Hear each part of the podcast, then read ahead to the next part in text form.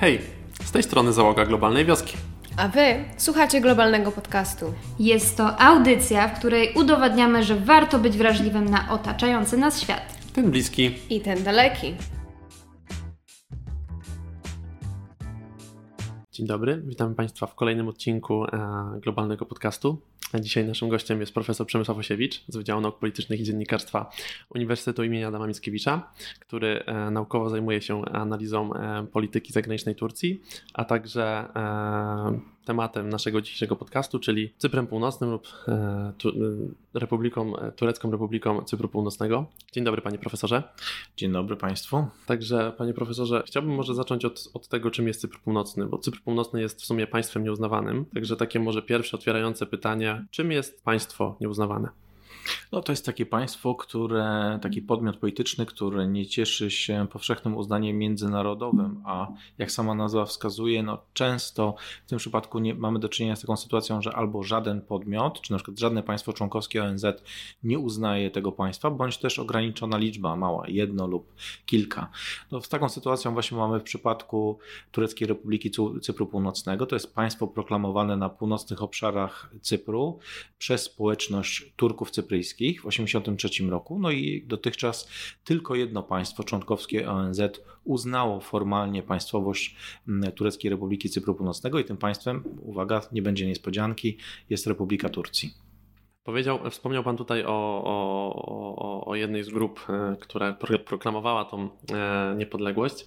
I tutaj chciałbym od razu zaznaczyć, ponieważ w literaturze przejawiają się e, różne określenia. E, tak naprawdę chyba dwa takie główne, czyli greccy i tureccy cypryjczycy, a także Turcy i grecy cypryjscy. I moje pytanie do Pana jest takie, które z nich jest poprawne i czy w ogóle możemy stwierdzić, że któreś z nich jest poprawne? E, a jeżeli tak, to które? To jest trudne pytanie. To jest trudne pytanie, dlatego że Grecy Cypry, znaczy określenie Grecy cypryjscy i Turcy cypryjscy jest tak naprawdę mm, no, kalką nazw używanych w odniesieniu do tych dwóch grup etnicznych na świecie w różnych językach, mm, ale niekoniecznie, niekoniecznie właśnie podpisują się pod nim sami, uwaga, Grecy cypryjscy czy Turcy cypryjscy. To jest kwestia mm, tożsamości i poczucia tej tożsamości. Dlaczego?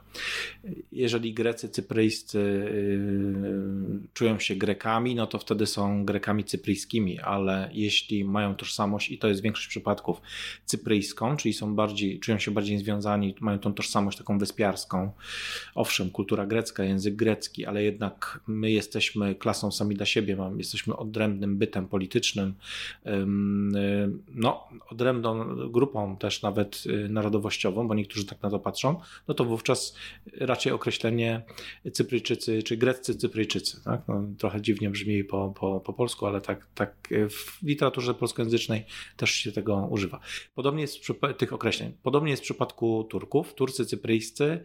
Mm, e, oczywiście tutaj prezydent Erdogan na pewno się pod tym podpisze. Turkish Cypriots e, z kolei to będzie to określenie stosowane powszechnie przez w języku na przykład angielskim przez samych Cypryjczyków e, po tureckiej stronie, tak to określmy, mm, linii zawieszenia ognia to też jest kwestia, mm, o której mało kto wie. Natomiast Turcy cypryjscy, ja będę dla uproszczenia używał tego, tego określenia, mają poczucie takiej własnej lokalnej e, tożsamości, odrębności od narodu tureckiego. E, to też zależy od tego, jakie poglądy kto ma. Te osoby, które mają bardziej lewicowe, centrowe mm, poglądy, raczej opowiadają się za federalną przyszłością Cypru i za pojednaniem z Grekami cypryjskimi. Te osoby będą podkreślały cypryjskość Y, dodając ten taki składnik etniczny, no, też pochodzenia, tak, czy jakby mm, związku kulturo, y, przywiązania kulturowego tak, do, do, do, mm, do danej nacji, czy to greckiej, czy też y, tureckiej. Także jest to bardzo skomplikowane i raczej określanie samego siebie, czy określanie samego siebie jako tur, jestem nie wiem, Turkiem cypryjskim albo mm, Turkiem cypryjskim albo mm, tureckim Cypryjczykiem, to tak naprawdę samoidentyfikacja, to jak ktoś sam siebie pozycjonuje, jak sam siebie widzi, jaką ma tożsamość i czego jest więcej, tej cypryjskości czy tureckości na przykład. Wspomniał Pan tutaj już o tym e, właśnie o Grekach i Turkach e, cypryjskich. Widzimy, że są jakby, można myślę tak powiedzieć, e, za oboma społecznościami stoją dwa państwa, czyli Grecja i Turcja. tym myślę mm, troszeczkę dalej powiemy, ale moje pytanie jest takie, bo wspomniał Pan tutaj głównie o Turkach cypryjskich, ale e, chciałbym zapytać o, o, Greków cypryjskich i w ogóle jak to wygląda w obu tych społecznościach, czy oni się bardzo identyfikują z Grecją, czy może też są osobnym e, jakby bytem, po prostu bardziej e, identyfikują się z Cyprem, czy, czy z Grecją? No, powiem szczerze, y, mo, mo, moje odczucie jest takie, jakby też badania, badania na to wskazują, takie badania opinii publicznej i też y, dotyczące właśnie tej autoidentyfikacji, tożsamości. Tutaj większość y, Cypryjczyków greckich raczej podkreśla tą cypryjskość i odrębność od Grecji. Oczywiście jest duży szacunek, związki kulturowe, historyczne z Grecją, tego nikt nie podważa, ale jednak jest to poczucie mm, właśnie, tak jak podkreśliłem, odrębności, y, różnic. Y, no, na przykład wskazuje się na różnice językowe, niektóre różnice historyczne, także w kuchni. No, kuchnia cypryjska różni się trochę od kuchni greckiej.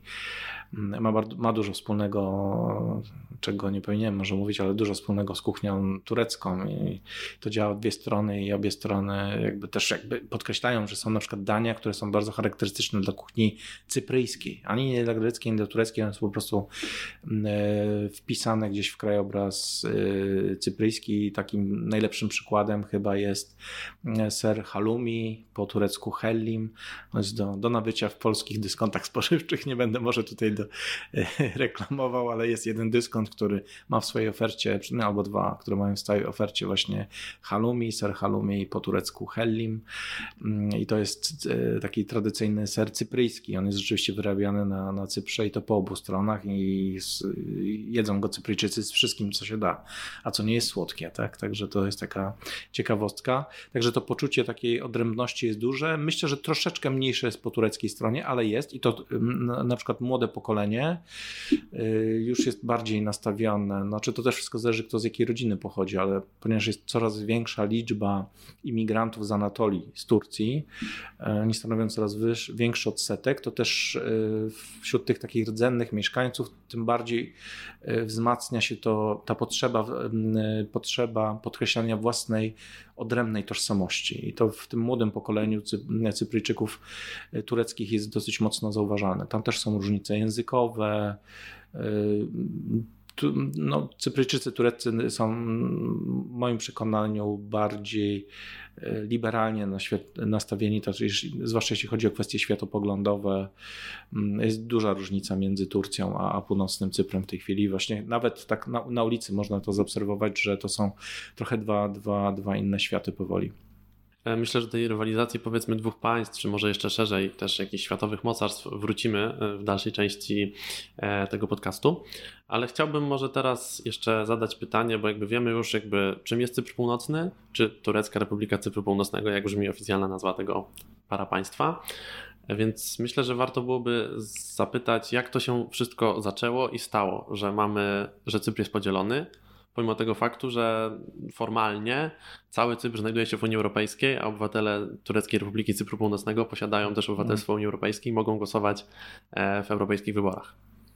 No to prawda, y, jest bardzo skomplikowana sytuacja. Jak do tego doszło, to oczywiście są książki poświęcone historii Cypru i mm, jak to się czasami podkreśla, mała wyspa, duży problem. E, nieraz się też mówi o tym, że jest to konflikt, w który zaangażowane jest 40 tysięcy, bo mniej więcej tylu stacjonuje według różnych danych żołnierzy tureckich na północnym Cyprze, że jest to konflikt między 40 tysiącami e, żołnierzy tureckich, a równą liczbą prawników po stronie greckiej. Także to się czasami tak nieco humorystycznie przedstawia, ale oczywiście sama, sama sytuacja i sam konflikt cypryjski jest daleki i tych akcentów humorystycznych tam nie ma absolutnie. Sytuacja była bardzo skomplikowana a stała się jeszcze bardziej, znaczy może inaczej, nie była tak skomplikowana do końca XIX wieku, czyli do momentu, kiedy Imperium Osmańskie, czyli Cypr wchodził w skład Imperium Osmańskiego do 1878 roku formalnie, nie było tutaj większych problemów. Oczywiście były różne napięcia między turecką czy grecką ludnością na wyspie i to się zdarzało, natomiast nie było jakiegoś otwartego konfliktu, otwartej wrogości.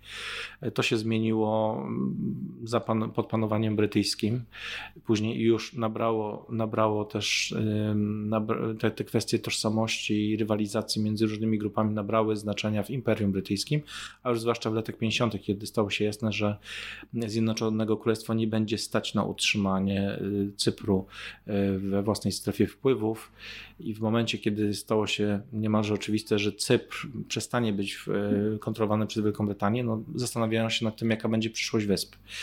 I były trzy, znaczy dwa możliwe scenariusze. Pierwszy mm, scenariusz poważnie brany pod uwagę to przepraszam, trzy. Tak? Pierwszy scenariusz brany pod uwagę przez stronę grecką to enosis, czyli zjednoczenie Cypru z grecką macierzą, jak to przedstawiano. Rzeczywiście Grecy stanowili prawie 80% ludności wyspy, więc uważano, że będzie to naturalne i podobnie tak jak swego czasu wcześniej Kreta została włączona do państwa greckiego, tak samo liczono na to, że uda się to także w przypadku Cypru. Drugi scenariusz zakładał podział wyspy między Turków cypryjskich i, Greków cypryjskich i to określono w języku tureckim jako Taksim. Północ dla Turków, północ dla Turcji, południe dla Grecji.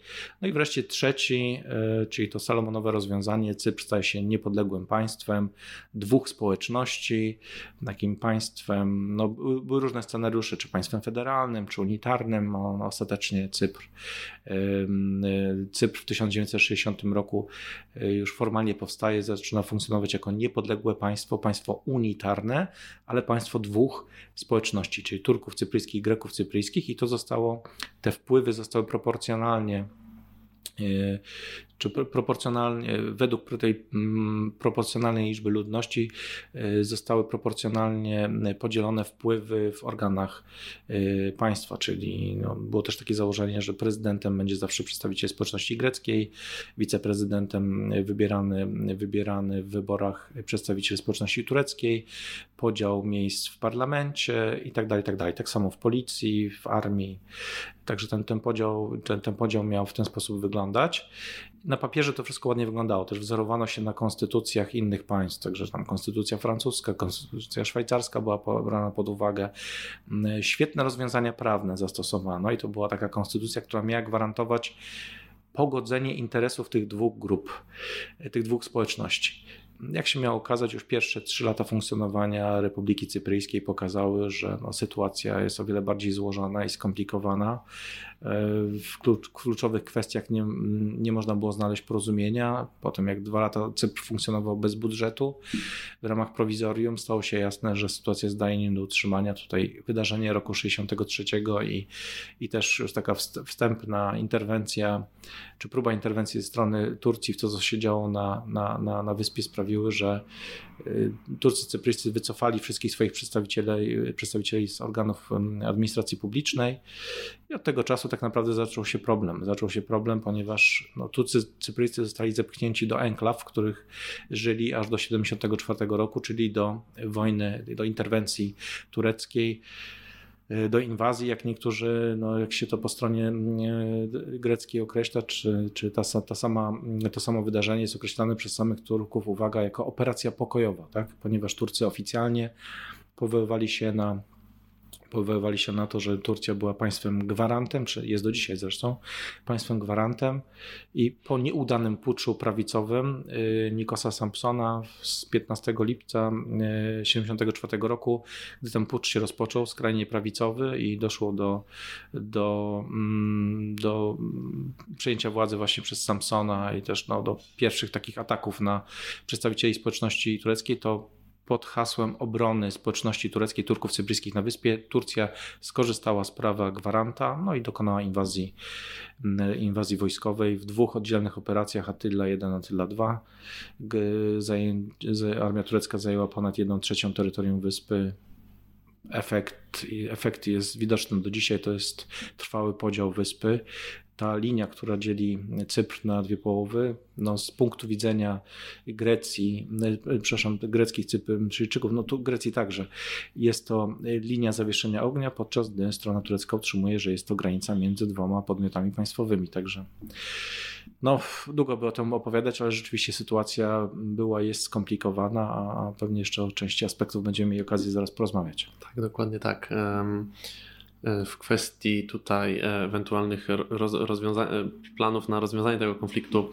Różnych pomysłów też było już kilkanaście, tak samo jak rund negocjacyjnych, ale do tego zaraz przejdziemy ale jakby jeszcze myślę, że ważną, bo tutaj e, pan profesor wspomniał najważniejsze z, z wydarzenia XX wieku, ale myślę, że nie można nie wspomnieć o tym, o formalnym ogłoszeniu niepodległości przez e, Turecką Republikę Cypru Północnego, co nastąpiło w 1983 roku, co niewątpliwie zintensyfikowało i podgrzało ten konflikt jeszcze bardziej. Także, tak jak pan profesor powiedział, e, inwazja Turcji podgrzała ten konflikt i doprowadziła do tego, że obecnie Cypr jest podzielony. Dlatego może zapytam, jaką obecnie rolę rolę Turcja odgrywa w istnieniu tego parapaństwa. I moje drugie pytanie, jak w ogóle wygląda życie w takim państwie nieuznawanym. Oficjalne stanowisko władz Republiki Turcji i władz Tureckiej Republiki Cypru Północnego jest takie, jest następujące. To są dwa oddzielne, zupełnie niezależne od siebie byty państwowe. Nawiązały, jak przypomnę, stosun- jak przypomnę jeszcze raz tutaj stosunki dyplomatyczne, są ambasady, tak, no jest ambasada, jedyna ambasada w północnej Nikozji to ambasada turecka, także tutaj jak są, do, mamy do czynienia z, na przykład z jakimiś obchodami różnych rocznic, czy to będzie właśnie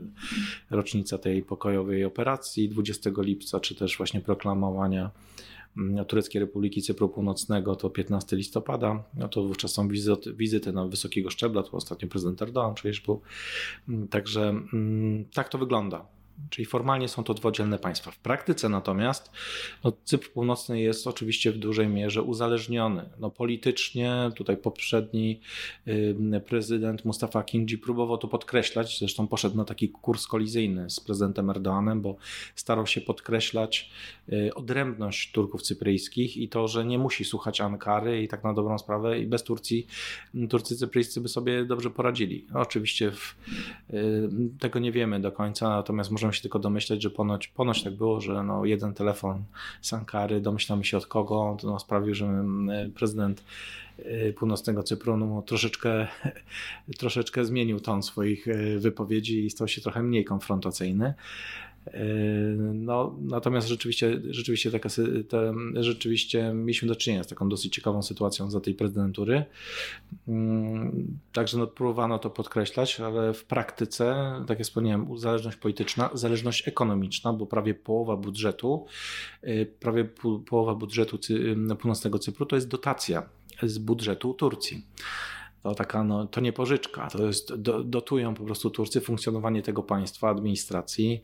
To się przekłada na szereg różnych aspektów, jak na przykład funkcjonowanie uczelni, bo tu uwaga, uwaga, Cypr Północny y, to jest druga, druga pozycja, jeśli chodzi o wpływy, utrzymuje się po pierwsze z, z, wpływów właśnie z budżetu Turcji, czyli tej takiej, byśmy to nazwali subwencji. Druga pozycja w tych, tych wpływach to pieniądze, podatki wpłacane przez uczelnie. Jest tam ponad 14 uniwersytetów na północnym Cyprze, yy, głównie prywatnych, ale niektóre mają charakter publiczno-prawny. To jest w ogóle ewenement w skali światowej, rzadkość. Mamy uczelnię, która w połowie należy do administracji państwowej, czyli w połowie jest publiczna, a w połowie jest prywatna. I to nie muszę chyba tłumaczyć, że to prowadzi do, delikatnie rzecz ujmując, yy, bałaganu, ale też do tego, że niektórzy, niestety, podobnie jak to jest w Turcji na wielu uczelniach, rektorzy są uzależni politycznie. Oni nie są z wyborów, oni są mianowani politycznie.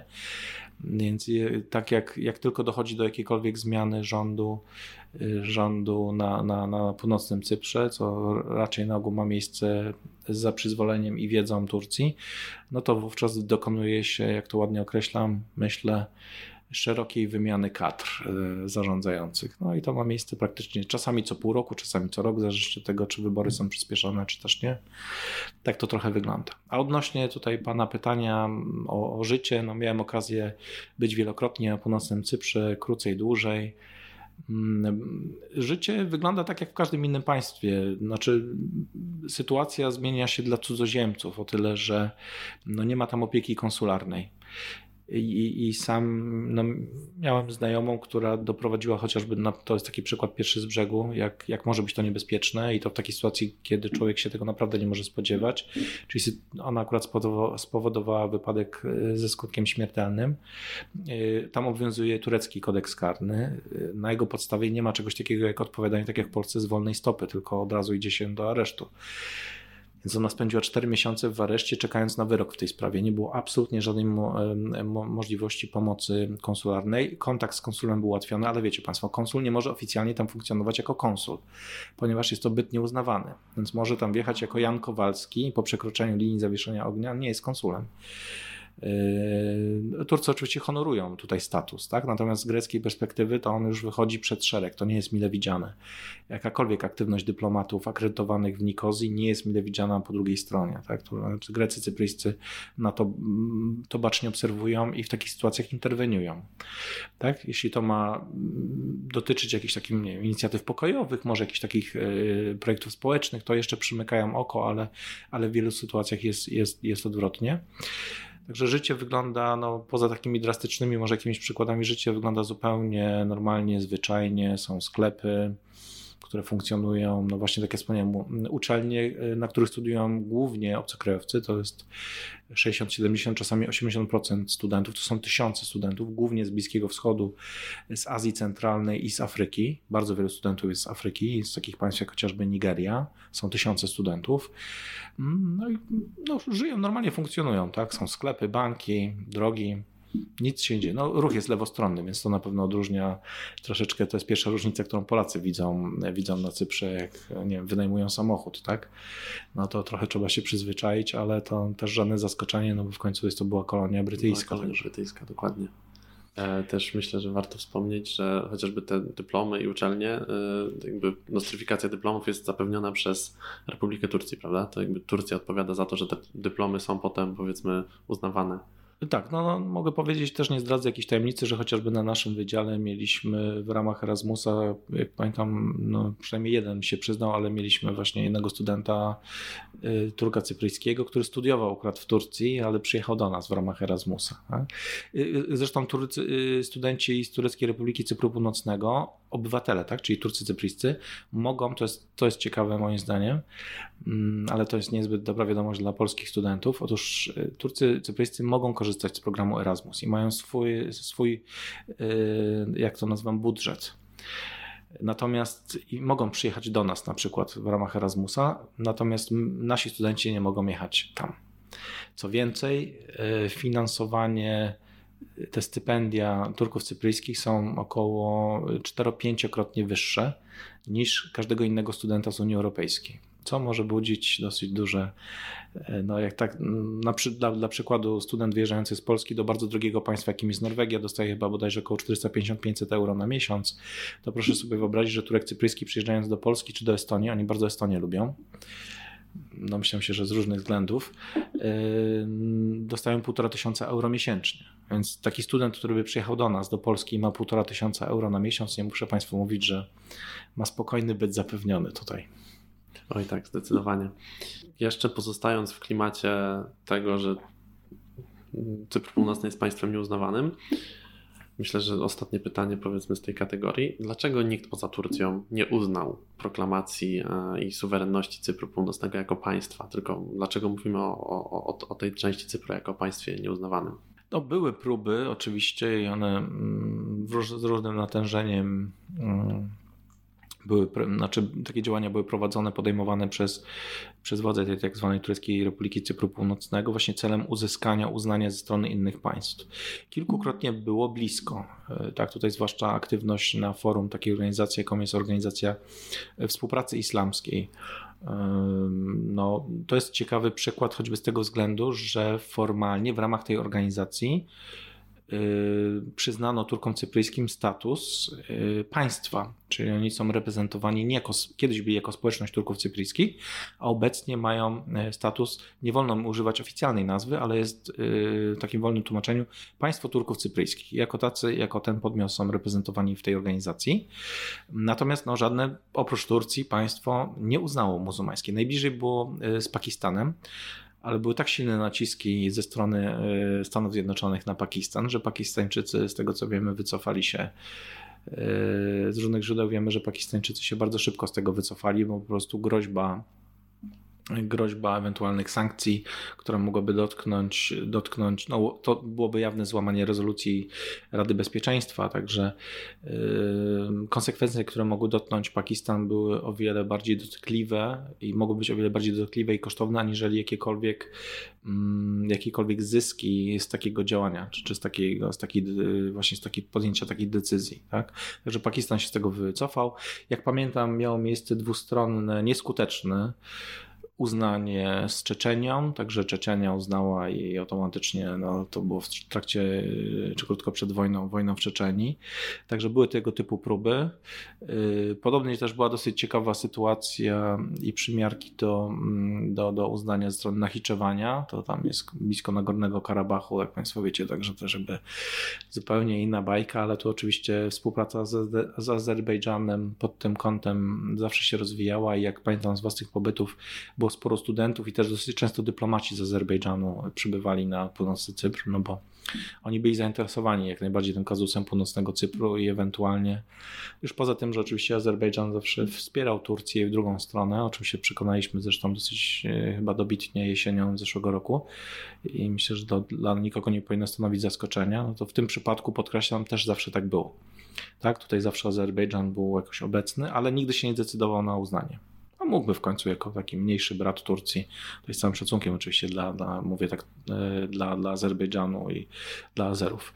E, takie, także takie działania były podejmowane, no nigdy nie było próby uznania e, tego państwa przez jakiekolwiek państwo Unii Europejskiej, absolutnie tutaj podkreślam, Unia Europejska stoi na stanowisku, że Cypryjczycy powinni wypracować rozwiązanie pokojowe. Nie ma żadnej możliwości uznania Tureckiej Republiki Cypru Północnego.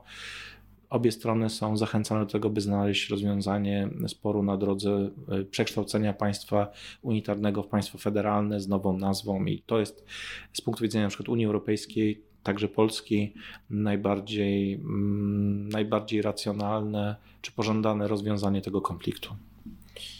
Um, tu wspomniał Pan na końcu o swojej wypowiedzi na, o, na, na, na, temat tego, jak Unia Europejska się zapatruje na ten konflikt i na próbę jego rozwiązania, więc może zapytam, E, czy kwestia Cypru e, rezonuje na relacje turecko-unijne, a jeśli tak, to w jaki sposób? No, rezonuje, no, wpływa, wpływa i to, i to bardzo. Uregulowanie kwestii cypryjskiej nie stanowi warunku, formalnie, tak, nie stanowi warunku przyjęcia mm, Turcji do Unii Europejskiej, ale powiedzmy sobie szczerze, trudno wyobrazić sobie sytuację, chyba nikt racjonalnie myślący, bez względu na poglądy, nie, nie, no, nie jest w stanie sobie wyobrazić e, sytuacji, w której do Unii Europejskiej przyjęte zostałoby państwo, które nie uznaje jednego z jej członków. Tak, w tym przypadku no, nie ma stosunków dyplomatycznych i uznania między Republiką Cypryjską a Republiką Turcji.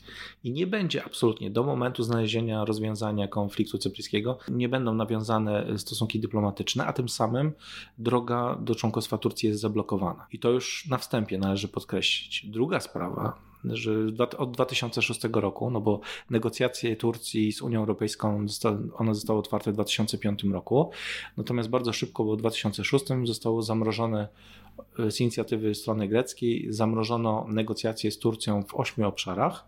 I te wszystkie osiem obszarów tak naprawdę dotyczą kwestii właśnie związanych i z uznaniem, i przepływ e, z kwestiami właśnie, znaczy próbowano wymusić niejako na Turcji mm, uznanie Republiki Cypryjskiej i szukano formuły, która by na to pozwoliła. Było dosyć blisko i też chodziło o kwestie takie techniczne, jak umożliwienie przelotu cypryjskim samolotom na terytorium Turcji i odwrotnie, także takie rozmowy były prowadzone.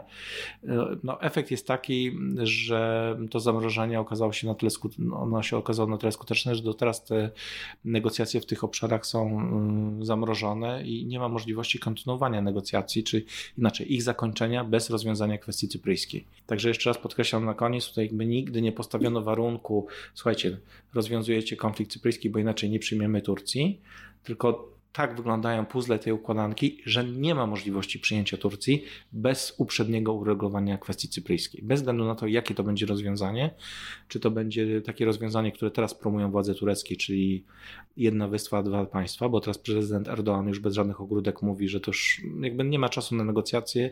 Jakby formuła negocjacji i, i dążenia do przekształcenia Cypru w państwo federalne już się skończyła i koniec. Już się nie będą angażować. No, Grecy cały czas, i Grecy, Cypryjscy podkreślają, Unia Europejska także, że nie, nie, nie, nie ma takiej opcji.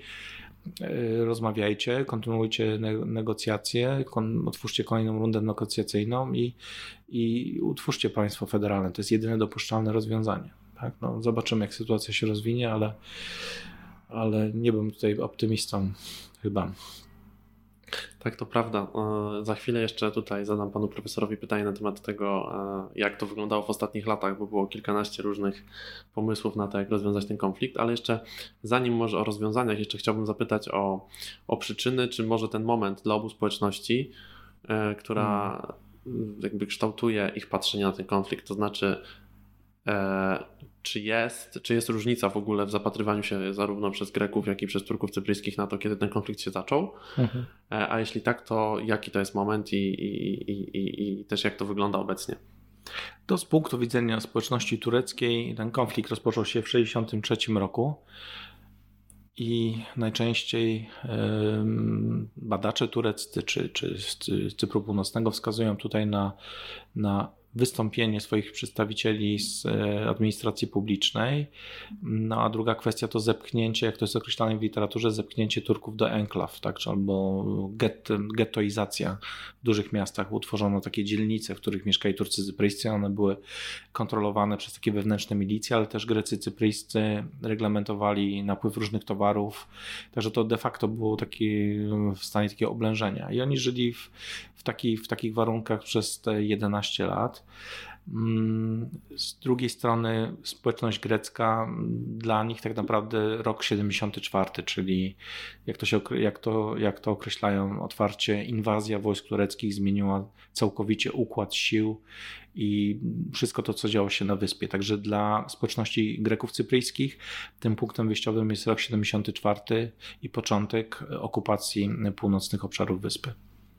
Myślę, że warto też tutaj dodać um, to, że obecnie praktycznie przez fakt tego, jak Cypr wygląda, czyli jest podzielony między oba, obie społeczności, można, myślę, pokusić o takie określenie, że zarówno Cypr południowy, jak i Cypr północny, w sensie mówię teraz o częściach wyspy, E, stały się swego rodzaju homogenicznymi, powiedzmy, rejonami pod względem narodowości, prawda? Ponieważ e, po wojnie, czy w trakcie wojny nastąpiły masowe migracje z północy na południe i z, południa na północ.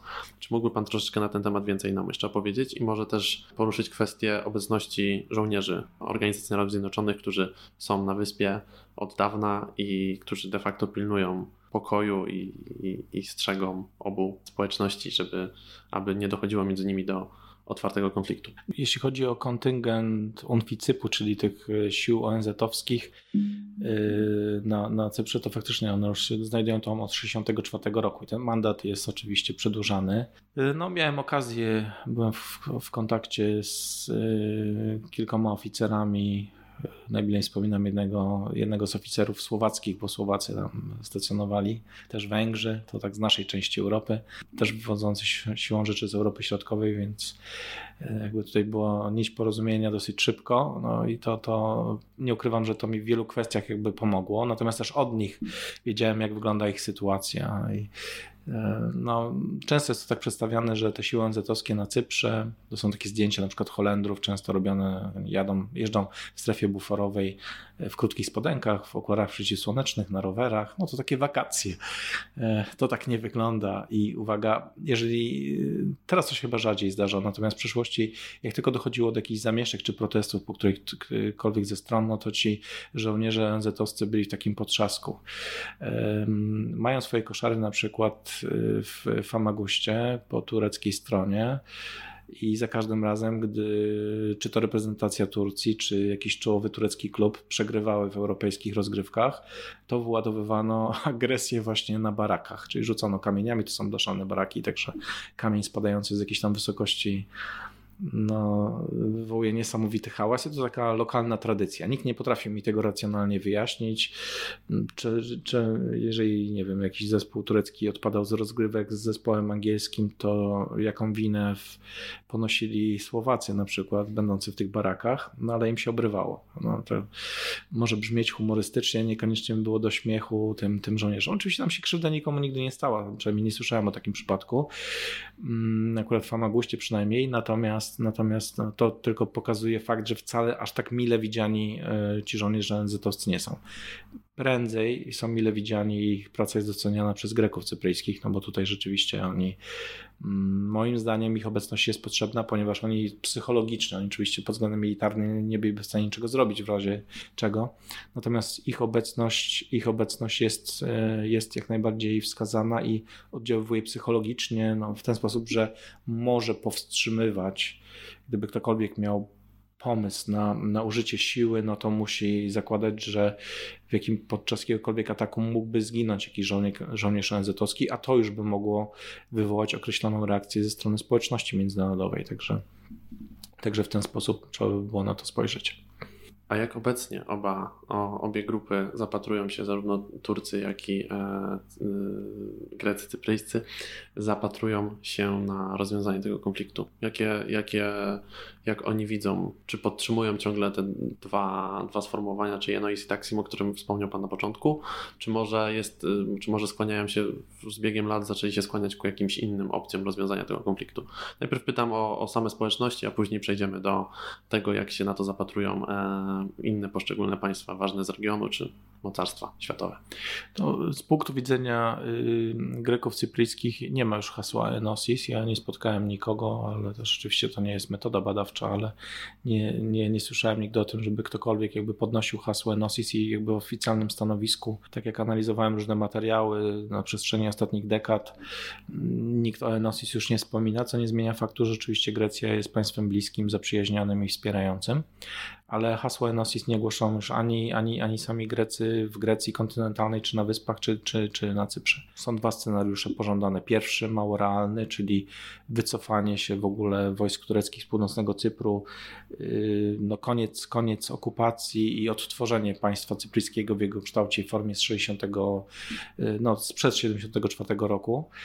Mm, ale to jest mało realne. Najbardziej realistyczne i znajdujące odzwierciedlenie w oficjalnym stanowisku i dokumentach mm, Republiki Cypryjskiej jest rozwiązanie mm, zakładające przekształcenie unitarnej Republiki Cypryjskiej w państwo federalne, w państwo federalne dwóch społeczności.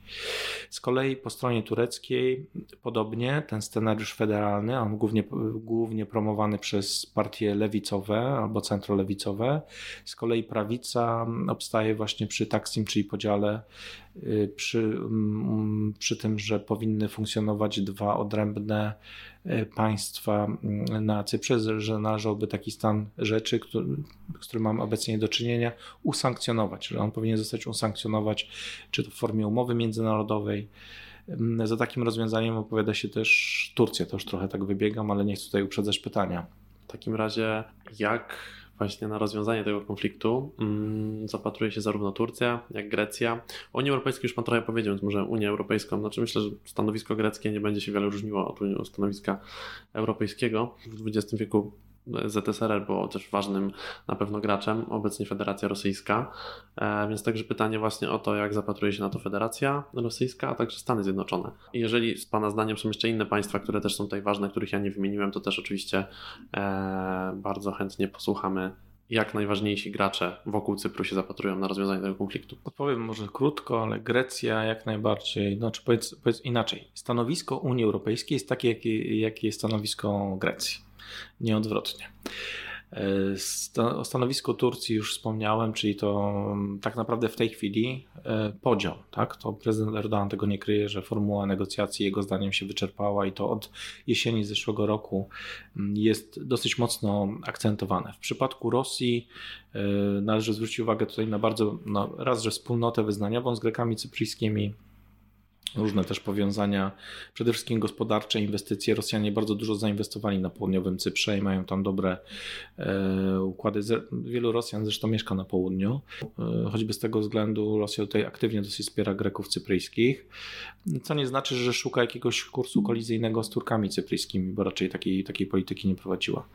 Mm, I Związek Radziecki kiedyś też nie. Związek, zresztą Związek Radziecki konsekwentnie krytykował Turcję za, za Mm, za inwazję na Cypr, znaczy postrzegał ją jako mm, próbę, znaczy postrzegani swego czasu Związek Radziecki postrzegał to jako próbę wzmocnienia wpływów e, NATO na, na, na wyspie i nic innego. Tak? To, że państwo członkowskie NATO, Turcja, do, dokonało inwazji na, na, na, na Cypr. To było postrzegane tylko i wyłącznie jako zagrożenie dla interesu Związku Radzieckiego we wschodniej części Morza Śródziemnego. No, Glavkos Kleridis, nieżyjący już był e, prezydent Republiki Cypryjskiej, w swoich e, wspomnieniach e, no, pisał wręcz o tym, że jak był w Moskwie, bo Grecy Cypryjczycy, jak Turcy zaatakowali, no już w takim akcie desperacji szukali na końcu pomocy ze strony Związku Radzieckiego. I ponoć była taka oferta, że tak jak mamy do dzisiaj dwie bazy brytyjskie na Cyprze, no, prezydent Republiki Cypryjskiej prawdopodobnie miał, miał zasugerować, tak nie wprost, ale miał zasugerować, że y, Związek Radziecki mógłby w zamian za pomoc liczyć na bazę y, na możliwość utrzymywania bazy wojskowej stałej na Cyprze, co w warunkach zimnowojennych zmieniłoby zupełnie układ sił we wschodniej części Morza Śródziemnego i byłoby to naprawdę, no to byłby taki lotniskowiec u wybrzeży y, państwa natowskiego, czyli, czyli, czyli Turcji. E, no, ta oferta nigdy nie została poważnie podjęta e, przez Związek Radziecki, co też jest dosyć ciekawe. E, no niemniej do dzisiaj, jak widać, nie, niewiele, się, niewiele się zmieniło i to, to stanowisko jest jakie jest. A jeśli chodzi o Stany Zjednoczone, to jest to bardzo ciekawe, że z kim by pan nie porozmawiał, to przynajmniej oficjalnie w takich rozmowach, jak nie ma może jakiejś szczególnej szczerości, ale większość osób myślę, że rzeczywiście w to wierzy. Mm, Grecy cypryjscy i Turcy cypryjscy często mówią, nie, nie, to, to nie jest, widzisz, to nie jest tak, że to był jakiś problem między nami, że my chcieliśmy tej wojny. To po prostu w ramach tej rywalizacji zimnowojennej Amerykanie jeszcze częściej wskazują na CIA, nas manewrowało w ten konflikt. Tak, no bo przypomnę, junta czarnych pułkowników z Aten, tak Grecji, wspierała e, skrajną prawicę na, na Cyprze i to, e, i to junta czarnych pułkowników dążyła do tego, żeby siłą przejąć kontrolę nad wyspą i wcielić ją do, do, do Grecji. I często jest to postrzegane jako że te działania były z inspiracji, z inspiracji Stanów Zjednoczonych, a jeszcze konkretnie Henry'ego Kissingera. A warto tutaj chyba też dodać przerwę panu profesorowi, że w tym czasie arcybiskup Makarios był prezydentem Cypru, który e, był, że tak powiem, e, wyznania lewicowego, znaczy wyznania, no wyznania to był politycznego. Komuni komunista, duchowy, duchowny komunista, tak można by powiedzieć, bo on rzeczywiście E, no, bo miał poglądy nawet dzisiaj moglibyśmy powiedzieć, e, że lewicowe, ale w tamtych czasach skrajnie lewicowe i on był, zresztą mówiono o nim obraźliwie w wolnym tłumaczeniu, e, czerwony klecha. Tak to trzeba by było chyba przetłumaczyć niestety na język, na język polski i faktycznie on był po, bardzo postrzegany jako zagrożenie, zwłaszcza przez, przez Stany Zjednoczone i przez huntę czarnych pułkowników, jako człowiek, któremu nie można ufać i który mo, mógł wepchnąć, oczywiście nie miał takiego zamiaru, ale wmawiano, że on może wepchnąć Cypr w orbitę wpływów radzieckich. Także tutaj, żeby ubiec go, no to był też plan oczywiście wyeliminowania go. On miał, on miał zostać w pierwszym dniu zamachu stanu e, w, w lipcu 1974 roku. Makarios miał zostać zgładzony. E, cudem udało mu się zbiec z pałacu prezydenckiego i uciekł do, do, mm, uciekł do przy pomocy tej Wielkiej Brytanii, uciekł do, do, do, do, do Londynu. Także udało mu się przeżyć, ale, ale, ale no faktem jest, że, że on stanowił taką sól w oku NATO, a konkretnie Stanów Zjednoczonych, e, czy, czy właśnie hunty czarnych pułkowników e, i starano się go wyeliminować. Dobrze, więc tutaj powiedzieliśmy już o tym, jak e, zapatrują się czy na rozwiązanie tego konfliktu najważniejsze państwa czy organizacje międzynarodowe. Dlatego teraz jeszcze chciałbym się zapytać o najważniejsze wydarzenia, które miały prowadzić do rozwiązania tego konfliktu.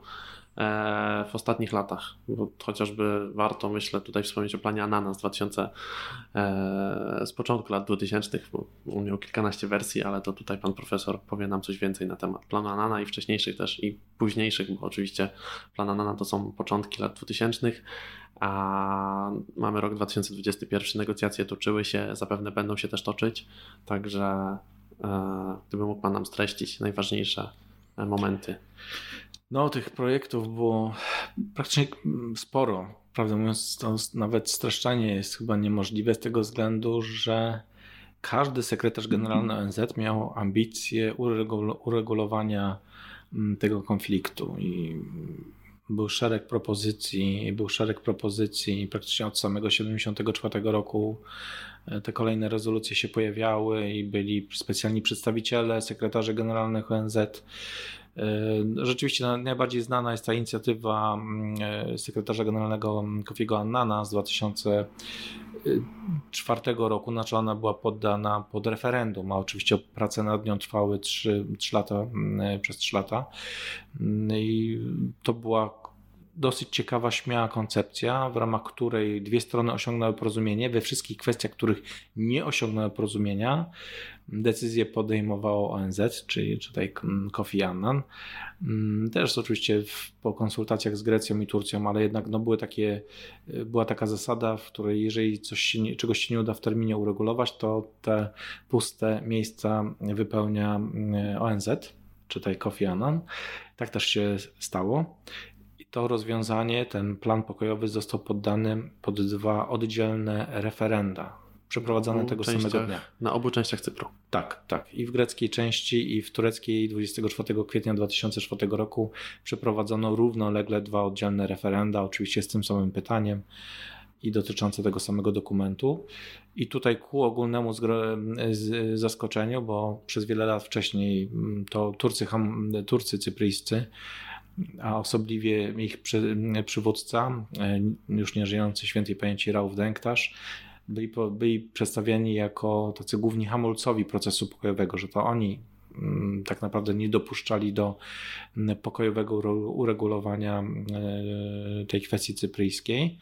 No tutaj się nagle okazało, że ponad dwie trzecie Turków cypryjskich zagłosowało za przyjęciem. Natomiast w referendum po stronie greckiej większość Greków cypryjskich mm, powiedziała ochi, czyli nie. I to było duże zaskoczenie. Pierwsze reakcje były dosyć interesujące, zwłaszcza ze strony Unii Europejskiej, która zaczęła trochę grozić palcem E, Cypryjczykom i zapowiadać, że w takim razie będą podjęte kroki, w ramach których będą znoszone różne ograniczenia. Na przykład, jeśli no do dzisiaj zresztą no to Unia Europejska nie, nie, nie dotrzymała słowa, ale bo były obietnice uwolnienia handlu, tak, e, ułatwienia handlu Y, czy też lotów bezpośrednich. Te loty bezpośrednie były dla Turków cypryjskich bardzo ważne, bo dzięki temu byłby zapewniony napływ turystów. Ci turyści docierają. No, na przykład z Polski wiele osób wylatuje na wakacje na Cypr, ale te osoby na ogół, na ogół znajdują oferty i, i, i hotele po południowej stronie. Rzadko kiedy ja znam chyba tylko trzy biura w Polsce, które przynajmniej przed pandemią prowadziły mm, organizację takich pobytów czasowych, turystycznych po północnej stronie. No, gdyby były loty bezpośrednie, to byłoby to o wiele łatwiejsze. No, tego się nie udało zrobić. No, pierwsze reakcje były bardzo, bardzo takie, też moim zdaniem nie do końca nie do końca było to słuszne, no ale rozumiem, że były jakieś tam emocje i też taki zawód na negocjatorów ONZ, w samej Unii Europejskiej było taki, takie poczucie zawodu, tak, że tutaj tyle lat spędziliśmy na negocjacjach. Unia Europejska wspierała ten proces i to mocno. Uwaga, we wszystkich kwestiach spornych Unia Europejska gwarantowała czy dawała gwarancje finansowe, że jeżeli stron nie będzie stać na pokrycie czegoś, to Unia Europejska dofinansuje różne projekty, czy kwestie na przykład odszkodowań i tak dalej. Unia Europejska miała też partycypować, to niemałe pieniądze wchodziły w grę i no, ten plan został odrzucony. Grecy cypryjscy utrzymywali, oczywiście mają takie prawo, że te rozwiązania były mm, szkodliwe. Tutaj też zwracano uwagę na to, że mimo wszystko cały czas obecność wojsk tureckich byłaby na wyspie, co było dla nich nie do przyjęcia. Y, kwestie mm, kwestie zwrotu mienia na, na północy, budził tutaj duże kontrowersje i odszkodowań, także no, szereg kwestii, y, kwestie budżetowe, tak zwane power sharing, czyli podziału władz, podziału wpływów w organach państwa federalnego, no bo plan Annana przewidywał przekształcenie o czym już mówiliśmy wcześniej, ale właśnie prze, prze, przewidywał przekształcenie Cypru w państwo federalne, nawet, nawet był wzór flagi, dosyć taki interesujący, zupełnie nie przypominający tej, tej, tej flagi Republiki Cypryjskiej obecnej, także wszystko po to, żeby zerwać jakby z tą symboliką e, z przeszłości i stworzyć od podstaw zupełnie nowe państwo. Tak? Tu warto myślę też tutaj dodać e, fakt, że e, oba referenda przeprowadzone w jeden dzień, były tak naprawdę przeprowadzone na kilka dni przed wejściem Cypru do Unii Europejskiej. No tak, dokładnie tydzień, tak? Dokładnie, dokładnie tydzień, dokładnie tydzień i wielu tutaj krytyków, e, głównie chyba ze strony mm, Turków cypryjskich podkreślało fakt, że e, południo, południowa strona, czyli e, Grecy cypryjscy mogli zagłosować na nie przeciwko temu planowi Anana z tego powodu, że za tydzień i tak znajdą się w Unii Europejskiej. Tak, tak. Jak mógłby Pan to tutaj skomentować? Akurat no wtedy, w, te, w, tych, w tych dniach, mniej więcej w tym okresie, mm, mniej więcej w tym okresie byłem na Cyprze, także mm, no tak to rzeczywiście było komentowane i analizując fakty, chyba nie można było dojść do innych wniosków. że Rzeczywiście y, sprawa członkostwa Republiki Cypryjskiej w Unii Europejskiej była przesądzona i było wiadomo, że Republika Cypryjska bez względu na wynik y, referendów y, znajdzie się w Unii Europejskiej. Natomiast dla Turków cypryjskich to było być albo nie być. Tak? Czyli mm, przyjęcie sprawiało, że z automatu północna część wyspy także znalazłaby się od razu w Unii Europejskiej. No, stało, się, stało się inaczej i tu jest to, o czym Pan już wspomniał, tam podczas jakiś, jak, jak pamiętam poprzedniego, któregoś z poprzednich pytań, mamy do czynienia z kuriozalną sytuacją, w której Republika Cypryjska została przyjęta 1 maja 2004 roku, zresztą podobnie jak Polska w tym samym dniu do Unii Europejskiej i znaleziono rozwiązanie w traktacie akcesyjnym takie, że, które stanowi, że jeżeli nie, stanowiło, że jeżeli nie uda się osiągnąć porozumienia, to wówczas cały, tak, całe, całe, całe terytorium Cypru y, będzie uznawane jako terytorium Unii, Unii Europejskiej, natomiast zostanie wyłączenie stosowanie pra, prawa, prawa wspólnotowego na północnych obszarach wyspy, jak to ładnie ujęto, znajdujących się mm, czasowo poza, y, poza jurysdykcją Republiki Cypryjskiej. Czyli chodzi to oczywiście o północny Cypr. Czyli tym samym cały, cała wyspa jest w Unii Europejskiej, cała wyspa, jak to się ładnie mówi, ta patelnia, tak, bo tam mamy Półwysep Karpas i resztę, to rzeczywiście Cypr, jak niektórzy, jak niektórzy reporterzy, czy pisarze, czy badacze wskazują, on przypomina z, z lotu ptaka i w takich, na zdjęciach satelitarnych taką dużą patelnię. Jak dla mnie to bardziej taki rondelek, ale dobrze. W każdym razie całe, całe to terytorium całej wyspy jest Unii Europejskiej, natomiast rzeczywiście i z automatu Turcy Cypryjscy zostali obywatelami Unii Europejskiej, tyle że no, zamieszkują e, obszary, na których nie jest stosowane prawo unijne. To jest kuriozalna sytuacja. E, jedyny plus, jaki pewnie z tego mają, to fakt, że no, wymuszono na władzach Republiki Cypryjskiej otwarcie linii zawieszenia ognia. Przedtem nie było możliwości przekroczenia linii zawieszenia ognia i tej, nazwijmy to, granicy między północnym a południowym Cyprem, więc tutaj w ramach zapewnienia, zagwarantowania swobodnego przypływu osób mm, zmuszono y, jedną i drugą stronę, zresztą tak naprawdę do, do otwarcia checkpointów dla, uwaga, tylko i wyłącznie Cypryjczyków i innych obywateli Unii Europejskiej. Do, do dzisiaj y, sytuacja osób trzecich jest tam nie do pozazdroszczenia no, obywatela Unii Europejskiej nikt tam nie może zatrzymać. Teraz jest inna sytuacja, bo pandemia, ale, ale w normalnych okolicznościach nie ma możliwości zatrzymania obywatela Unii Europejskiej, bo wystarczy postraszyć, że sprawa trafi do, do, do, do Strasburga i się jakby kończą tutaj zapędy i pytania. Mm, także no, jest taka dosyć kuriozalna sytuacja. No, Turcy Cypryjscy zaczęli występować, bo mają takie prawo Większość z nich wystąpiła, ponieważ przedtem nie mogli praktycznie no, mogli podróżować tylko na tureckich paszportach. Nie wszyscy no, je dostawali, nie dla wszystkich to była najlepsza opcja, chociaż mają też swoje, ale no, poza, tylko do Turcji można jechać z takim paszportem. Nigdzie indziej nie jest uznawany, przynajmniej nie słyszałem więc podróżowali na tureckich paszportach. No, w tym momencie y, trochę bramy świata się dla nich otworzyły. W przeciwieństwie do Turków, ponieważ zaczęli uzyskiwać paszporty Republiki Cypryjskiej, a z takimi paszportami do wszystkich państw unijnych, w tym zwłaszcza ukochanej, ulubione, no, ukochanego i ulubionego przez Cypryjczyków Zjednoczonego Królestwa, mogli wjeżdżać bez wizy. No, czego nie mogli robić, jeśli dobrze pamiętam, chyba wtedy jeszcze Turcy potrzebowali po prostu wiz wjazdowych. Nagle tutaj z takimi paszportami można było spokojnie latać do Londynu i odwiedzać e, swoich krewnych, a to nie bez znaczenia, bo tam ocenia się, że chyba około 90 tysięcy e, Turków cypryjskich czy osób mających, mających korzenie takie korzenie mieszka w Londynie i okolicach, także to spora liczba. Zbliżamy się już niewątpliwie ku końcowi naszej rozmowy, e, ale zanim zapytam Pana jako badacza tej, tej kwestii, jak, pan, jak Pana zdaniem może wyglądać przyszłość podzielonego Cypru, czy, czy Cypr się zjednoczy, czy czy dojdzie do jakichś tutaj, do powstania dwóch państw, czy realizacji powiedzmy e, taksimu, e, w cudzysłowie oczywiście. Chciałbym zadać, myślę, pytanie, które jest nieodzowne, to znaczy, jak wygląda sytuacja polityczna w obu częściach Cypru w tym momencie. To znaczy, tutaj też niewątpliwie wspomniał Pan o nowym prezydencie na Cyprze, który został wybrany na Cyprze Północnym jesienią zeszłego roku, Rysinie Tatarze, więc może zatrzymajmy się na razie przy polityce zarówno Republiki Cypru, jak i Tureckiej Republiki Cypru Północnego. No to w dużym skrócie Ersin Tatar jest kandydatem partii e, UBP, czyli partii e, prawicowej był przez nią popierany no i został wybrany, tak jak tutaj pan podkreślił, właśnie w zeszłym roku prezydentem tego nieuznawanego państwa przy pełnym poparciu i sympatii prezydenta Turcji Recepa Tayyip Erdoana. No, siłą rzeczy on promował i w trakcie kampanii, a już tym bardziej po wyborze właśnie podział, usankcjonowanie tego podziału i e, podobnie jak prezydent Erdoğan, także e, prezydent Tatar tutaj podkreśla to, że już no, czas negocjacji się skończył, zbyt wiele czasu, to, czasu zmarnowano, e, pewne procesy społeczne, polityczne, gospodarcze są nieodwracalne i nie ma sensu po prostu teraz udowadniać, że jesteśmy w stanie wielkim kosztem się zjednoczyć, tylko po to, żeby potem przekonać się, że ten projekt i tak nie wypali. Z drugiej strony mamy prezydenta Anastazję Desa po stronie greckiej, który cały czas, przynajmniej oficjalnie, promuje to rozwiązanie e, federalne i raczej no, były takie pogłoski, mm, były takie pogłoski w grudniu zeszłego roku,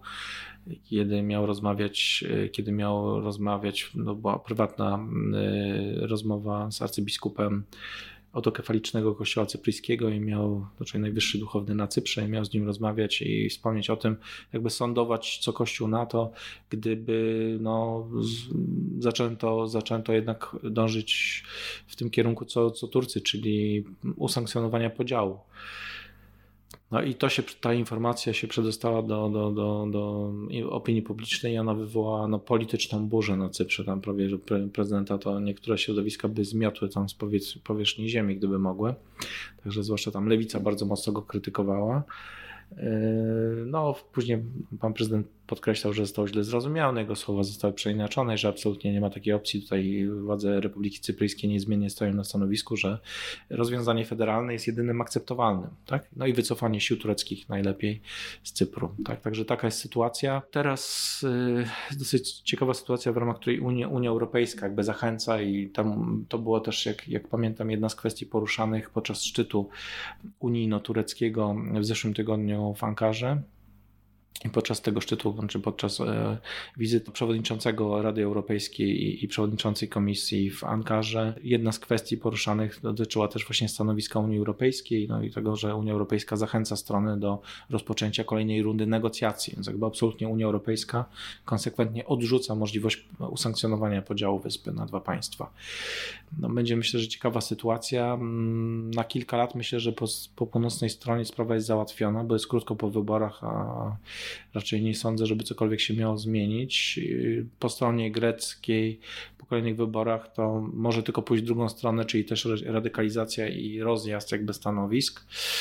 Za każdym razem, jak są przedstawiciele politycy partii lewicowych i na południu, i, i na północy, to jest najlepszy moment negocjacyjny bo wtedy jest największa szansa, bo te ugrupowania bardzo mocno wspierają rozwiązania federalne i są nastawione na poszukiwanie rozwiązań każdej innej kombinacji, konstelacji politycznej i układu sił na wyspie jest dokładnie odwrotnie. Także teraz moim zdaniem wchodzimy w okres takiego, okres napięć i niepewności raczej okres mało konstruktywny i nawet jeżeli doświadczenie uczy, że nawet jeżeli dwie społeczności, ich przedstawiciele e, wchodzą w kolejną rundę negocjacji, to ona jest po prostu tylko tak podtrzymywana pro forma, żeby pokazać, nie no my tutaj wyciągamy rękę, staramy się, no tylko ci drudzy tutaj jakoś no, nie współpracują i są mało elastyczni i później byle pretekst sprawia, że te rozmowy są zrywane albo w ostatniej chwili ktoś zmienia zdanie. No już takich sytuacji przerobiono kilkanaście. Mm, czyli widzimy, że raczej e, kwestia e, tego konfliktu będzie nadal powiedzmy z nami obecna. E, Nikozja pozostanie prawdopodobnie jedyną stolicą mm, na pewno europejską, a nie wiem, czy, nie wiem, czy jakakolwiek inna stolica na świecie również jest podzielona, bo Nikozja znajduje się, przez Nikozję przebiega tutaj wspomniana przez pana profesora strefa rozdzielenia, mm, zawieszenia ognia. E, I myślę, że ostatnim moim pytaniem będzie pytanie, dlaczego tak niewiele słyszymy o tym konflikcie? Ponieważ mam wrażenie, że bardzo wielu e, ludzi, ja sam osobiście nie słyszało na temat tego, że Cypr jest w ogóle podzielonym, tak jak Pan tutaj powiedział, chociażby o wycieczkach i, i o biurach turystycznych, które gdzieś tam skupiają się na południowej części wyspy, e, która też jest jakby większa terytorialnie ale chociażby na północnej, na północnej części mamy Warosze, tak, i Famagustę, e, która też została notabene otwarta. To tutaj też mam nadzieję, że pan profesor e, parę słów na, tym, na, na ten temat powie. Więc ostatnim moim pytaniem, dlaczego tak niewiele słyszymy na temat tego konfliktu? Trudno mi to, trudno mi na to pytanie odpowiedzieć, ale domyślam się, że e, odpowiedź jest pewnie prosta. To jest małe państwo, które z punktu widzenia e, Polski, ale nie tylko, nie ma jakiegoś większego znaczenia politycznego czy gospodarczego. Myślę, że tak jak Pan wspomniał, jeśli już e, zawęzić takie nasze rozważania tylko do Polski, to Cypr kojarzy się z wypoczynkiem. Tak zresztą się pozycjonuje i z tego zresztą żyją Cypryjczycy. Mm, tak, czyli turystyka, słońce, tam jest 300 ileś dni słonecznych w ciągu roku gwarantowanych z temperaturą powyżej 20 stopni i tak rzeczywiście jest to mogę Państwa zachęcać. Tych Państwa, którzy lubią słońce i to jeszcze pod koniec listopada zdarza się bardzo często, że temperatury to jest 25-27 stopni. Chodzi się w krótkim rękawie. Miejscowi oczywiście już wchodzą w, wchodzą w, w golfach i, i kurtkach grubych. Jak ktoś chodzi na ulicy w t-shircie, to najpewniej jest z Rosji albo z Polski, bo innej opcji po prostu nie ma. Tylko my wytrzymujemy te temperatury zabójcze, takie jak 18 i 19 stopni w t-shirtach. W każdym bądź razie proszę wierzyć, że latem jest tam niesamowicie gorąco, no ale jak ktoś lubi ciepło, dobre hotele, dobre jedzenie, dobrą atmosferę, to, to znajdzie na Cyprze. Myślę, że większość osób dowiaduje się o tym, że jest jakiś podział właśnie dopiero będąc tam na miejscu. No, żadne biuro podróży, no z ciekawości chyba sięgnę przy najbliższej okazji, ale nie pamiętam, żeby w jakimkolwiek folderze jakiegokolwiek biura podróży ktokolwiek, e, no jedno jest mi tylko znane, taki, taki większy tour operator w Polsce, e, który ma dwie oddzielne oferty, więc jakby nawet e, mapka Cypru jest z linią, z linią linią, z linią zawieszenia ognia. W wielu w pozostałych przypadkach jest po prostu zdjęcie, zdjęcie jakieś tam satelitarne albo kontur Cypru bez żadnej informacji o jakichkolwiek problemach. A jeśli już to są one małym maczkiem, tylko tyle, że jak ktoś chce podróżować gdzieś tam na północ, to są wycieczki fakultatywne i tam powiedzmy wtedy trzeba y, zebrać pieniądze i jest inna, inna waluta i tak dalej. Tego typu jakieś takie techniczne informacje, ale nic o zagrożeniach. Zresztą tych zagrożeń nie ma, bo oczywiście turyści są jak najbardziej porządni pożądani na, na, na północy i cenieni, także nie ma tam absolutnie żadnego zagrożenia i, i zachęcam i polecam, jeżeli do wszystkich tych zainteresowanych i, i wypoczynkiem i zwiedzaniem, to naprawdę jest to niesamowita wyspa, jest wiele miejsc do zobaczenia i krajobrazowo ona jest też niesamowita. Zwłaszcza tutaj polecam Półwysep Karpas e, po północnej stronie, który jest jeszcze jednym chyba z ostatnich takich, jednym z nielicznych ostatnich miejsc mm, niedotkniętych za bardzo przez człowieka, niezniszczonych. Tam praktycznie nie ma żadnej infrastruktury poza jedną, dwiema drogami i, i są liczne miejsca, w których e, po prostu przez cały dzień można być na plaży, pięknej plaży, nie spotkawszy innej istoty żyjącej, tylko zwierzęta się pojawiają. Także Najczęściej są to dzikie, dzikie osły. To ciekawostka, niektórzy jedą przez cały, przez, lecą przez pół Europy, żeby tym osiołkom zrobić zdjęcie. E, ale no i osiołki dotknęła w pewnym sensie globalizacja. Przy tej głównej drodze już wiedzą, że są samochody i że jedzenie z nich czasami dla nich wypada, także nawet osiołki się trochę popsuły, ale krajoznawczo jest naprawdę, jak ktoś lubi e, ciszę, spokój, to polecam. I myślę, że po takiej rekomendacji Półwysep Karpas przestanie e, być miejscem odludnym i stanie się no jeszcze e... trudno tam dotrzeć póki co, dlatego, znaczy nie, nie, nie jest już to takie trudne, ale mm, no z Polski to jest to dosyć, no może być drogie, żeby dostać się na sam północny Cypr przez Turcję, to, to, to nie wiem, czy powinienem o tym tutaj mówić, ale to nie polecam, bo to jest najdroższe możliwe rozwiązanie. Dla obywateli polskich czy osób lecących z Polski najlepszym rozwiązaniem jest jednak lot do, do Larnaki na, na południe. Tam są najtańsze połączenia i nasz, nasz narodowy przewoźnik LOT też je obsługuje. Mm, także Larnaka jest chyba najlepszym wyborem. Tyle, że potem trzeba sobie załatwić transport i się przedostać na północ, a nie ma żadnych regularnych połączeń autobusów, niczego, także zostaje tak naprawdę taksówka. To jest drogi biznes, droga, droga impreza, żeby się jednak przedostać taksówką, godzinę jechać z, z lotniska i przekraczać granicę albo być wysadzonym przy granicy. E, ale jest to do zrobienia, tak? Jest to do zrobienia jak najbardziej dla chętnych. Tylko, że to jest na pewno to jest dobre miejsce na, na wyprawę dla kogoś, kto nie lubi takich miejsc oczywistych i, i do których można prosty sposób się e, dostać i położyć w hotelu. To północny Cypr wtedy oczywiście oferuje te wszystkie miejsca, bo hotele tam są na bardzo wysokim poziomie i są bardzo nowoczesne i, i wszystko, czego turyści szukają tam jest, ale są tam głównie ze względów no, politycznych, bo im jest łatwo się przedostać, głównie turyści z Turcji póki co i z Wielkiej Brytanii. Tak? Masa Brytyjczyków, masa Brytyjczyków, to oczywiście też chyba, nie wiem, chyba na osobne spotkanie, kwestia nieruchomości na Cyprze, no bo to też się przekłada na to, że są oczywiście różne takie kontrowersyjne kwestie sprzedaży gruntów przez Turków, na przykład Brytyjczykom pod budowę domów i później się okazuje, że są, były, były takie przypadki, że były sprzedawane niektóre działki jako należące do już przed 74 rokiem do Turka Cypryjskiego, a nagle się odzywa prawowity e, właściciel, tak, czy spadkobierca kogoś, e, kto był Grekiem cypryjskim i rzeczywiście tym prawowitym właścicielem przed 74 rokiem tego gruntu był. Ileś takich kwestii trafiło chociażby do Trybunału, tak, także no, to jest szeroki temat. Dokładnie, także e, tutaj myślę, że stawiamy w tym miejscu kropkę. Bardzo dziękuję panu profesorowi. Przypomnę, że naszym gościem był e, profesor Przemysław Osiewicz z Wydziału Nauk Politycznych i Dziennikarstwa Uniwersytetu im. Adama Mickiewicza w Poznaniu. A dla chętnych, jeżeli chcielibyście dowiedzieć się więcej o Cyprze, to polecam, polecamy książkę pana profesora e, Konflikt Cypryjski, a także wszystkie jego publikacje naukowe na ten temat. A to był globalny podcast. Słyszymy się już niebawem w kolejnym odcinku. Bardzo dziękuję za zaproszenie i życzę y, przyjemności podczas pobytu na Cyprze. I tymi słowami żegnamy się z Państwem. Dziękujemy. Do usłyszenia.